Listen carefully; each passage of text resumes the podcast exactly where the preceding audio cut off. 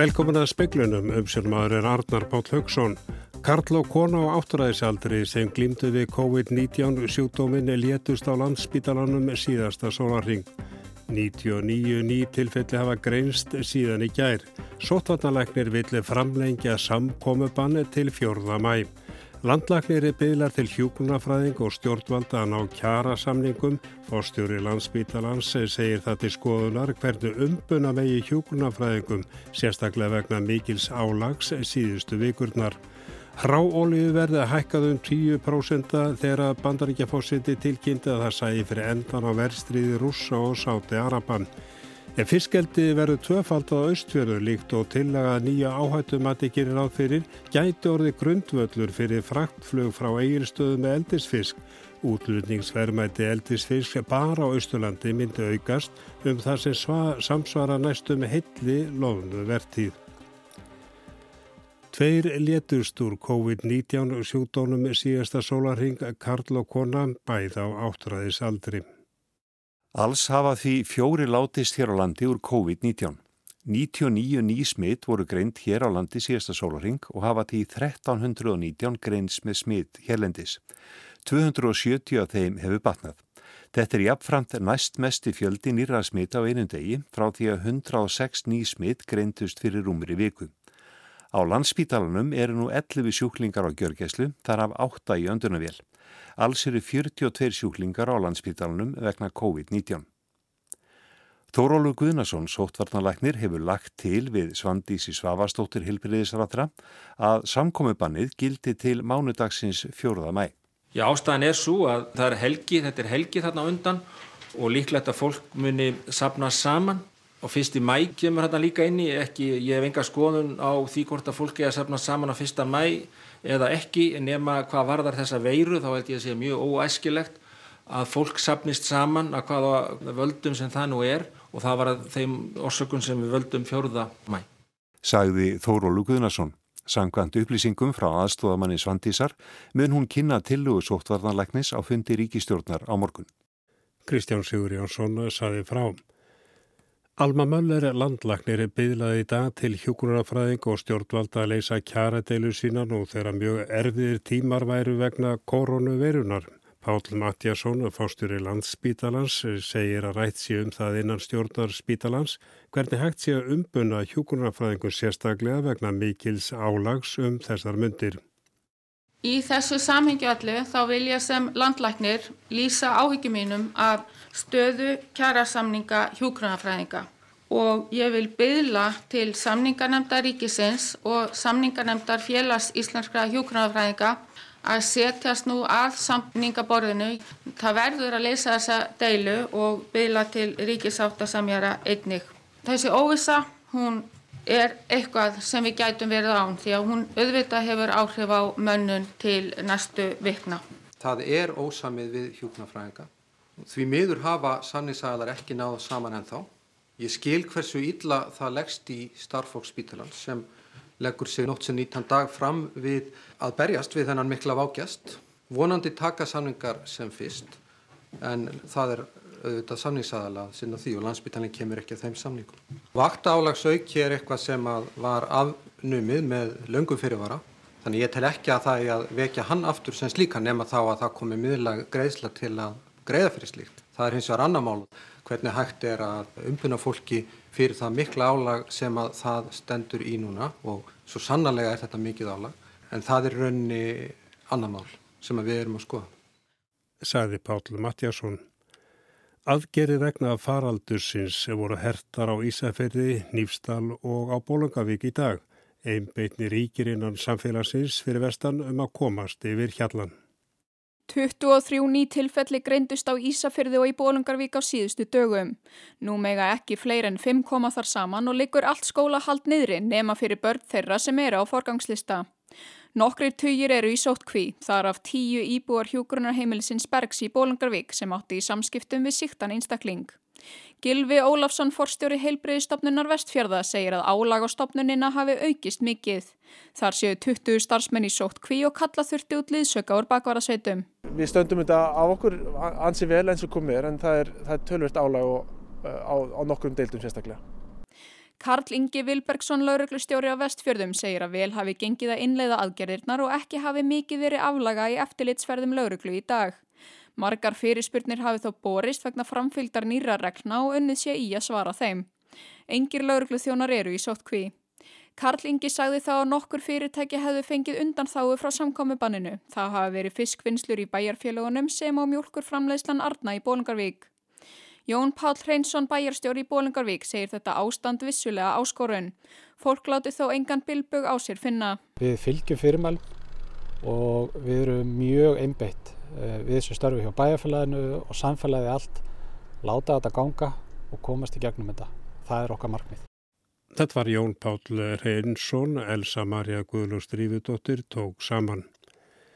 Heimsmarkasverð ráolju hækkaðu meir en 30% í dag þegar Donald Trump bandarækjafósiti skrifaði á Twitter að hann byggist í því að verðstríði Sáti Araba og Rúsa færa ljúka með því að sátt næðist um að draga úr framleyslunni. Verð á tunnu af ráolju fórum tíma yfir 36 dólar eða dag en lækkaði síðar nýður í tæplega 31 dólar. Verð á bandarískri ráolíu tók einni kipp upp á við, hækkuninn namur rúmum 25% eftir að það hafi síð nokkuð aftur. Sáti Arabar fóru í dag fram á að þjóðir í OPEC, samtökum ólíútflutningsríkja og nokkrar þjóðir til viðbótar þar á meðal rússar kæmu til fundar. Nauðsynlegt værið að sammælast um aðgerðir til að koma jafnbægi á ólíumarkaðinn. Í tilkynningu frá Mohammed bin Salman, krónprins í Sáti Arabíu, segir að í ljósi kringumstæðina byrji brína nöðsinn til að grípa til aðgerða til að koma lægi á efnahagsmál heimsins. Verð á ráolíu hrundi í síðasta mánuðu þegar samningaviðræður OPEC-ríkja og rúsa fóru út um þúfur um að framlengja samningin um að takmarka ráolíu framleiðslu. Hann rann út núna um mánadamótin. Áskil Tómasson saði frá. Aukið fiskeldi sem gæti hlotist að breyttu áhættumati Havró skilar meira útlutningsverðmætt en heil loðnuvertið. Frankvandastjóri Laksa fiskeldis á reyðarfyrðir segir að gangi töföldun á lagseldi á austverðum í gegn muni störfum við fiskeldi fjölga og líklega verði farið í mikla fjárfestingu í eldisvinnslu á djúbavogi. Hafrannsóknastofnun lagði til í síðasta mánuði að áhættumati í lagseldi yrði breytt en það myndi heimila aukið eldi bæði á vestfjörðum og östfjörðum, samtals um 35.500 tonn. Yrði eldið aukið um þetta magn, myndi útflutningsverðmæti eldisfisks aukast um hátt í 27 miljardar. Til samanbörðar gaf loðnuvertiðin 2018 næstum 18 miljardar í útflutningstekjur. Á östfjörðum yrði hægt að tvöfalda hámarkseldi úr 21 í 42.000 tonn. Jens Garðar Helgason, framkvæmdastjóri Laxa á reyðarfyrði, segir að verði nýja áhættumatið samtíkt þurfi fyrirtækin að sækja um leifi fyrir auknu eldi. Framleiðslu aukning gæti farið að skila sér eftir 2-3 ár. Félögin munu fjölga umtalsvert starfsmönnum. Þetta mun styrkja vinsluna á djúbavogi hjá búlandstindi og samfélagi þar. En þetta er náttúrulega þýðið það að það þarf að fara í umtalsverða fjárfestingar í búlandstindi til þess að standa undir önni þessu aukna magni.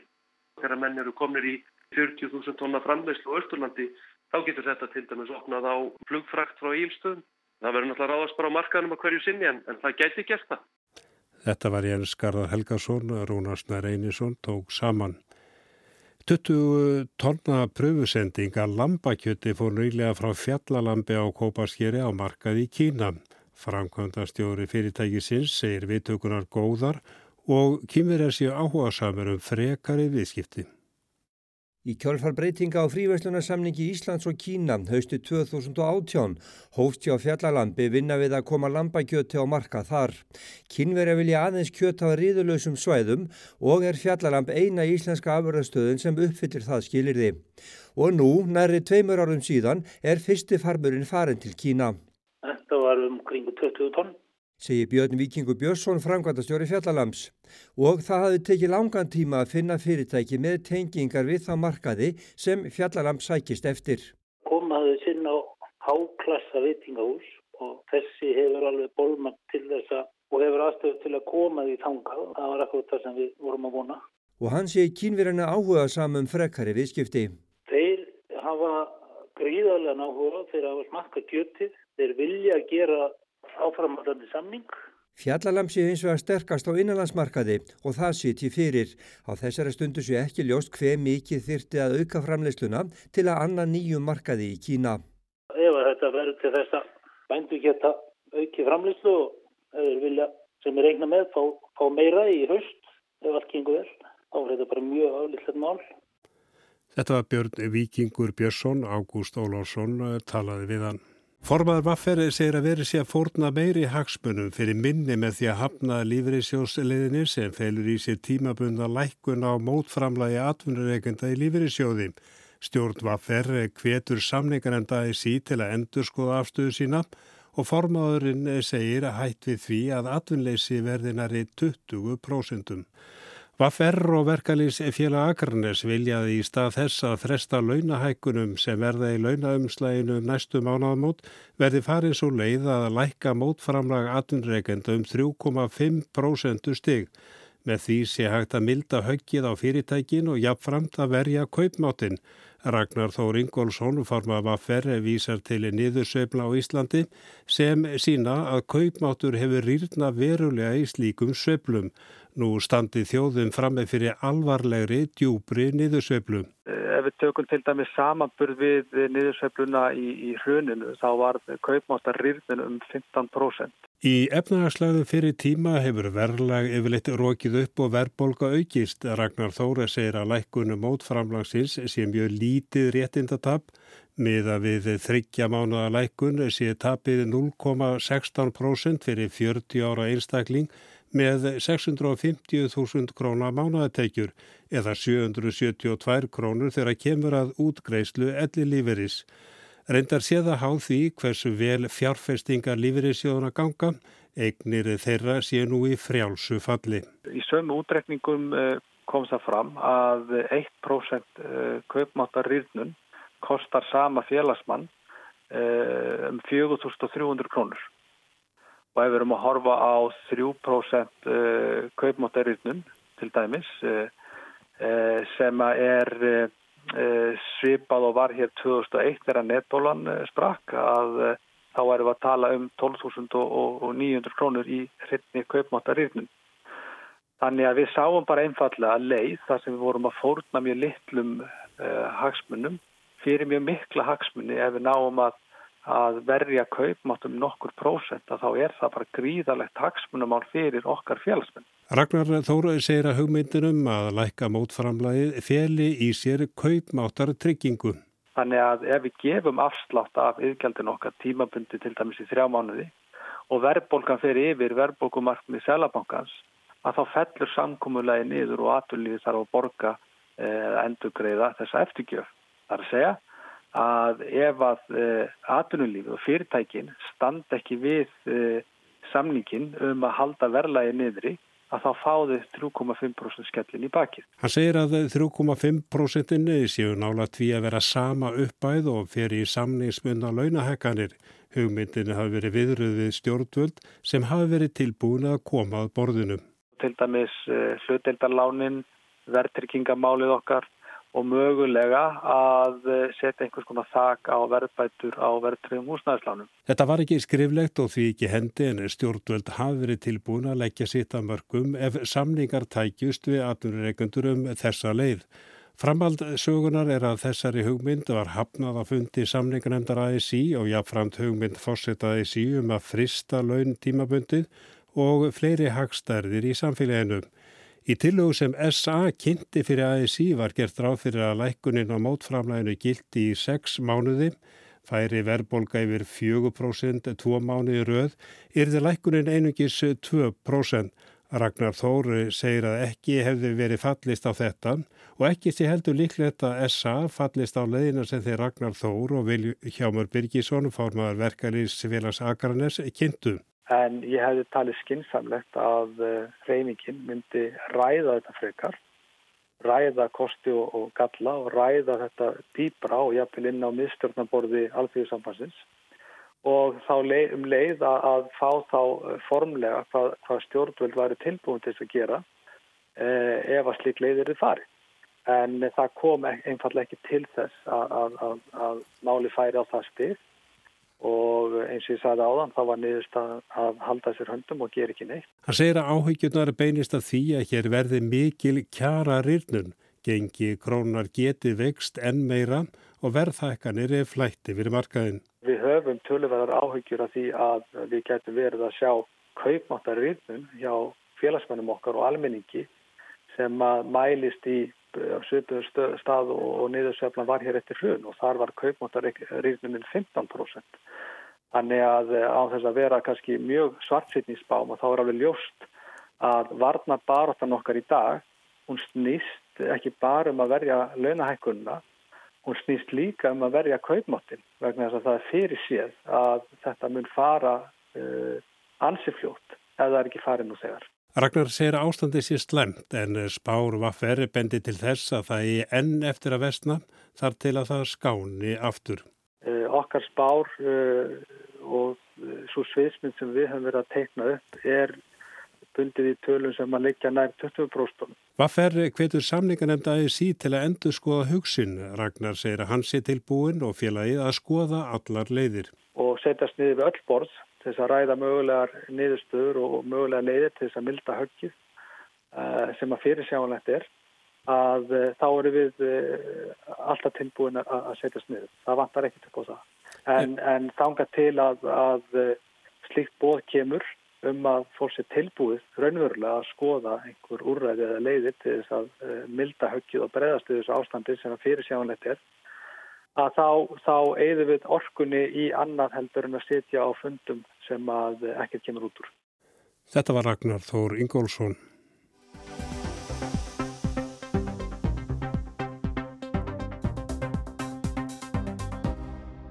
Leittógar nýta tækifæri til að herða tökinu valdatöymana, löðrögla beitir borgar á óðbeldi og rétturinn til tjáningar og friðhelgi engalífsins víkur frá bóðum og bönnum.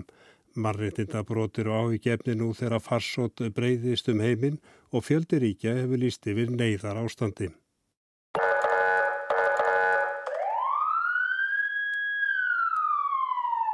Eftir því sem veiranna er meira flugi færist aukinn þungi í aðgerðir stjórnmalda við um heim. Nú er farið að bera meira á lögregluofbeldi. Oft hafa lögreglan og herin það hlutverk að fylgja eftir skipunum yfirvalda vegna COVID-19 tryggja til dæmis að fólk virði samkomi og útgöngubönn og sumstaðar er illa farið með þetta vald. Á þriðju dag stóð Yasin Mojo, 13 ára unglingspiltur, úti á svölum á heimili sínu í Nairobi, höfuborg Kenya. Á götunni fyrir neðan voru sveitir lauruglumanna að fylgja eftir útgöngubanni vegna kórnuveru faraldusins. Lauruglumennir báru skotvopn og skutu út í lofti til að reka fólk inn og allt í einu lág Yasin Mojo í blóði sínu. Laurugli yfirvöld sendu fjölskyldunni samúðarkveðjur. Þetta hafi verið slísaskott. Lauruglinni Kenya hefur beitt táragassi gegn borgurum og barið á með kilvum. Pappa Yasin Hussein Mojo ofbýður harkan. Na mimi ndo baba Yasin marehemu Yasin Hussein Moyo. Nilikuwa kwa jirani, ilikuwa mwendo wa saa moja. Lauruglumenn öskri á fólk og bergi það eins og skeppnur. Svipaðir upp á teiningnum á Filipsegum, Rodrigo Duterte fórseti hefur síðastliðin ár fyrirskipað lauruglunni að skjóta fíkla í blóðugu stríði sínu gegn fíknefnum. Nú hefur hann fyrirskipað öryggisveitum að skjóta þá sem ekki virða ferða og samkomiðbann vegna faraldursins. Fyrir suma stendur valið því á milli þess að svelta heima eða fara út og hætta á að verða fyrir bissukúlum stjórnvalda. Dagblæðið Indian Express greinir frá því að öryggisverðir í Punjab fylki á Indlandi hafi skipað farandverkamönnum sem voru á heimleið frá Delhi að fara út í kant og úðað á þá klórlöst sem ertir húðina augun og lungun. Í Paragvæ let lauruglan fólk sem braut gegn útgöngubanni hoppa eins og spítukalla og ógnaði því með rafbissum.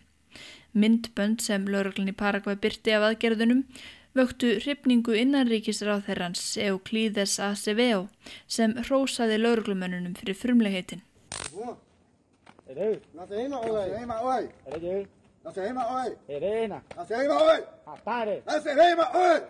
Mannrettindabrót hafa verið fylgifiskur COVID-19 faraldursins frá upphafi. Fyrst fór að bera á rittskoðun, Kínversk stjórnvöld þögguðu niður í læknum sem vöktu aðtikli á nýri lungnasíkingu í Vúhanborg. Kínverskir fréttamenn hurfu sporlust og ógrinni efnis á samfélagsmiðlum var eitt. Næst tók við mismunun og rasismi. Í Evrópu voru asískir matsulustæðir sniðgengnir og nemi frá Singapúr var fyrir líkamsárás í London vegna COVID-fordóma. Ógnin er ný, stjórnvöld og viðbræðsæðalar hafa þurft að taka ákvarðanir með hraði og stundum hefur mannreitindavinkillin ekki komið til tals fyrir en eftir á. Var til dæmis rétt af japanskum stjórnvöldum að halda hundruðum eldri borgara vikum saman í sótkví á skemmtiferðarskipinu Diamond Princess, sumum einum í gluggalösum klefum. Urðu aðgerðirnar jafnvel til þess að fleiri síktust en ella. Já, viðurkenna yfirvöldi í Japan núna? Kanski.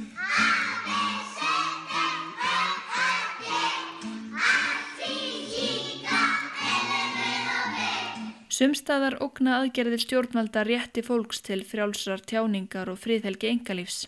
Ekki njóta allir réttar til heilbriðisjónustu og vegna útgöngu banna komast miljónir barna ekki í skóla. Mannréttinda vinkladnir eru margir og fjölmargir hópar sem mannréttindasamtök hvetja stjórnvöld til að huga sérstaklega aði viðbúnaðar áallunum sínum, svo sem fangar, heimilislausir, fátækt fólk, flóttamenn og farandverkamenn. Víða hefur verið líst yfir neyðarástandi og slíkum tímum nota suma ríkistjórnir tækifærið og herða takið um valdatöymana. Í byrjun vikunar samþykti ungverska þingið að herða refsingar við því að breyð út misvísandi upplýsingar. Fjölmiðlamenn sem flytja fréttir af kórnuveirufaraldrinum sem stjórnvöld telja ósannar geta átt yfir höfði sér fangelsisvist. Þingið færði líka aukin völd í hendur forsættisráð Viktors Orban.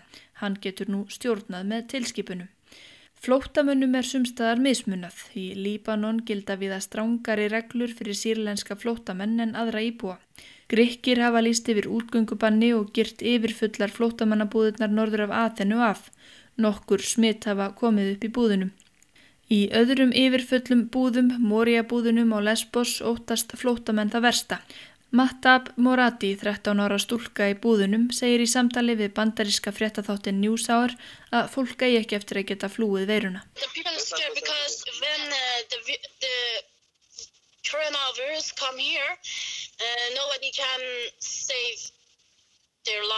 Tjáningarfrelsi er viða ógnað og rítskoðun stjórnvalda og rafrænt eftirlitt hafa stór aukist. Smittrakningar uppina ímsu ríkja eru svo misvönduð með tilliti til persónuvendarsjóna með það. Skortur á aðgengi að heilbriðisþjónustu er líka stort vandamál, einnig á Vesturlöndum. Hár heilbriðiskostnaður ógnar 28 miljónum bandaríkjamanna sem að ekki eru sjúkratriðir. Þegar hafa borist fregnir af döðsföllum fólks sem neytaði sér um sjúkráðsmeðferð af ótta við að geta ekki borgað reikningin. Saminuðu þjóðnar hafa lagt áherslu á að ríki veiti fólki lífsnöðsynlega þjónustu óháð tryggingum. Það sé þeirra ábyrð. Michelle Baslett, mannréttinda fulltrúið Saminuðu þjóðuna, segir mikilvægt að ríki heims setji mannréttindi í fyrsta sæti í baráttunni við sjúkdóminn. That core human rights values can help us steer the best course. Það er allir meðvitaður um það að aðgerðir til að stemma stegu við útbreyslu farsóttarinnar bitnað einhverju leiti á frelsi einstaklingsins. Allir þurfa að færa einhverjar fórnir til skamstíma en saminuðu þjóðunar hafa hvart ríki til að gæta hófsem í aðgerðum og tryggja að þær mismun ekki ákveðnum hópum í samfélaginu. Oft bitna harðar aðgerðir og refsingar nefnilega verst á þeim sem höllustum fæti standa farandverka fólki sem þarf að ganga langar leiðir úr borginni um í þorpið sitt eða þeim efnaminni sem megi ekki við því að hætta að vinna. Sumstaðar hafa stjórnvöld ekkert gert til að styðja við þessa hópa. Mannreitindasamtökin Human Rights Watch hvetja stjórnvöld til að hafa mannverðingu og gagsæja leiðarljósi. Aðgerðir þurfa að vera tímabundnar, stuttar vísindalegum gögnum og í samræmi við ógnina. Það megi ekki ganga lengra en nöðsin krefur. Arnildur Haldunadóttir sagði frá.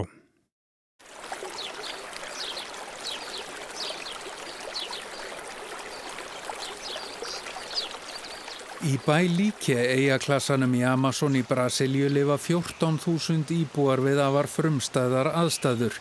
Svæðið er svo afskekt að ríkisvaldið hefur afar takmörkuð áhrif. Á tveggjamánaða fresti kemur fljóta bátur með lögmenn og dómara til að halda uppi röð og reglu.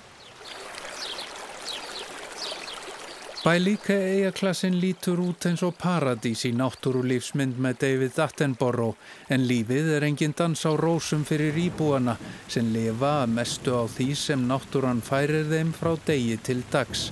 Engin hefbundin vinna er í bóði nema helst við fiskveiðar. Íbúar kunna fæstir að lesa eða skrifa, velferðakerfi er vart eða alls ekki til staðar og fæstir ná endum saman. Viva Progresso er stærsti byggðakjarnin á svæðinu og miðstöð 14.000 eigaskeggja. Þorpið er lítið annað en völundarhús fljóta og skipaskurða með húskofum, hist og her á stöplum. Árnar flæða reglulega yfir bakka sína og svæði fer allt á flót á vorin. Einangrunin er algjör en næsti stjórnsýslu byggðakjarni er í 12 klukkustunda fjarlæð. Engin á fennjasvæðinu leggur á sig ferðalag til næsta domstóls í Makapa. Undanfarin aldarfjörðung hefur domstólinn því komið reglulega til fennjasvæðisins í líki gufubáts. 50 starfsmenn domsins eru um borði í þessum fljótandi domstól. Innan borðs eru verjendur, sækjendur, domsritarar, lögraglumenn og svo framvegis. Fjölmarkir sjálfbóðaliðar koma með bátnum og leggja sitt af mörgum. Í fyrra kom báturinn einu sinni í mánuði en eftir að Sjær Bolsonar var kjörinn fórseti Brasilíu var ferðunum fækkað í eina og tveggja mánada fresti. Heimamenn þyrpa stað þegar báturinn leggst að bryggju og það er handagangur í öskjunni þá þrjá daga sem dómskipið starfar. Lögmaður sem rættir við í Der Spiegel segir að skipskoman færi pínu litla siðmenningu til þessa afskekta og hálf glimta svæðis í Brasilíu. Í nokkra daga sé fennja svæði tengt um heiminum og fái aðstóð við úrlausn erfiðra vandamála. Það minki líkurnar á að heimamenn taki lögin í eigin hendur. Það er ís og þess á meðan domstólinn starfar á fennjasvæðinu þessa þrjá daga og færri koma staðin vilja. Lögmenn og dómarar eru röggsamir í afgreðslum sínum og margt kemimannum spánst fyrir sjónir í hefðbundnum réttarsal. Hér er hugsað í lausnum og ekki dvaliðum ofið afgreðslu mála. Það er ekkert netsambandum borð eða á fennjasvæðinu öllu ef því er að skipta. Fyrsta úrlausnarefni domstólsins eru tveir menn sem voru teknir við veiðar með óskráðar bissur. Laugin hveða skýrt á um sekt og upptöku vopnana en þeir byggjast vægðar án vopna geta þeir ekki fætt fjölskyldur sínar. Dómarinn úrskurðar að þeir hafi tvo mánuði til að skrá vopnin löglega og þeir eru dæmtir í þryggjadaga samfélagsþjónustu. Dómarinn segir síðar að þeir verði að horfa á úrlausnarefnin með augum heimamanna og sína sveianleika, heilbrið skinnsemi verði að ráða för, yfir stjættalög þjætt bílisins eigi ekki við í fásinninu. Úrlausnarefnin snúast mörg hverjum nágranna deilur, ofbeldi innan fjölskyldna eða forsjármál barna. Oft gengur líka erfiðlega að fá karlmenn til að borga framfærslu fjefið skilnað eða meðlag með börnum sínum. Næsta mál á dagskráfjallaði mitt um karl nokkur sem hafði ekki greitt fyrverandi konu sinnu og þremur börnum þeirra fyrir framfærslu í mjög langan tíma. Dómarinn hótar honum fangelsi ef hann borgar ekki en niðurstaðan verður á endanum að hann samþykir að borga skuld sína í áfengum. Staðan verður svo metin aftur þegar dómabáturinn kemur næst. Madurinn er auðralaus og býr með nýri konu og ámeðni þrjú börn. Engin vil fara í fangelsu og því ekki útilokaða úr rætist. Sumdómsmál snúast um morð, nöðganir eða barnanýð og þá er engin afsláttur gefin.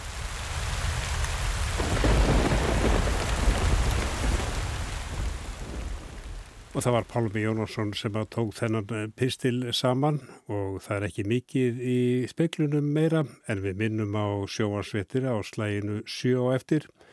Tæknumæður var Magnús Þó, Þorstein Magnússon, verið í sæl.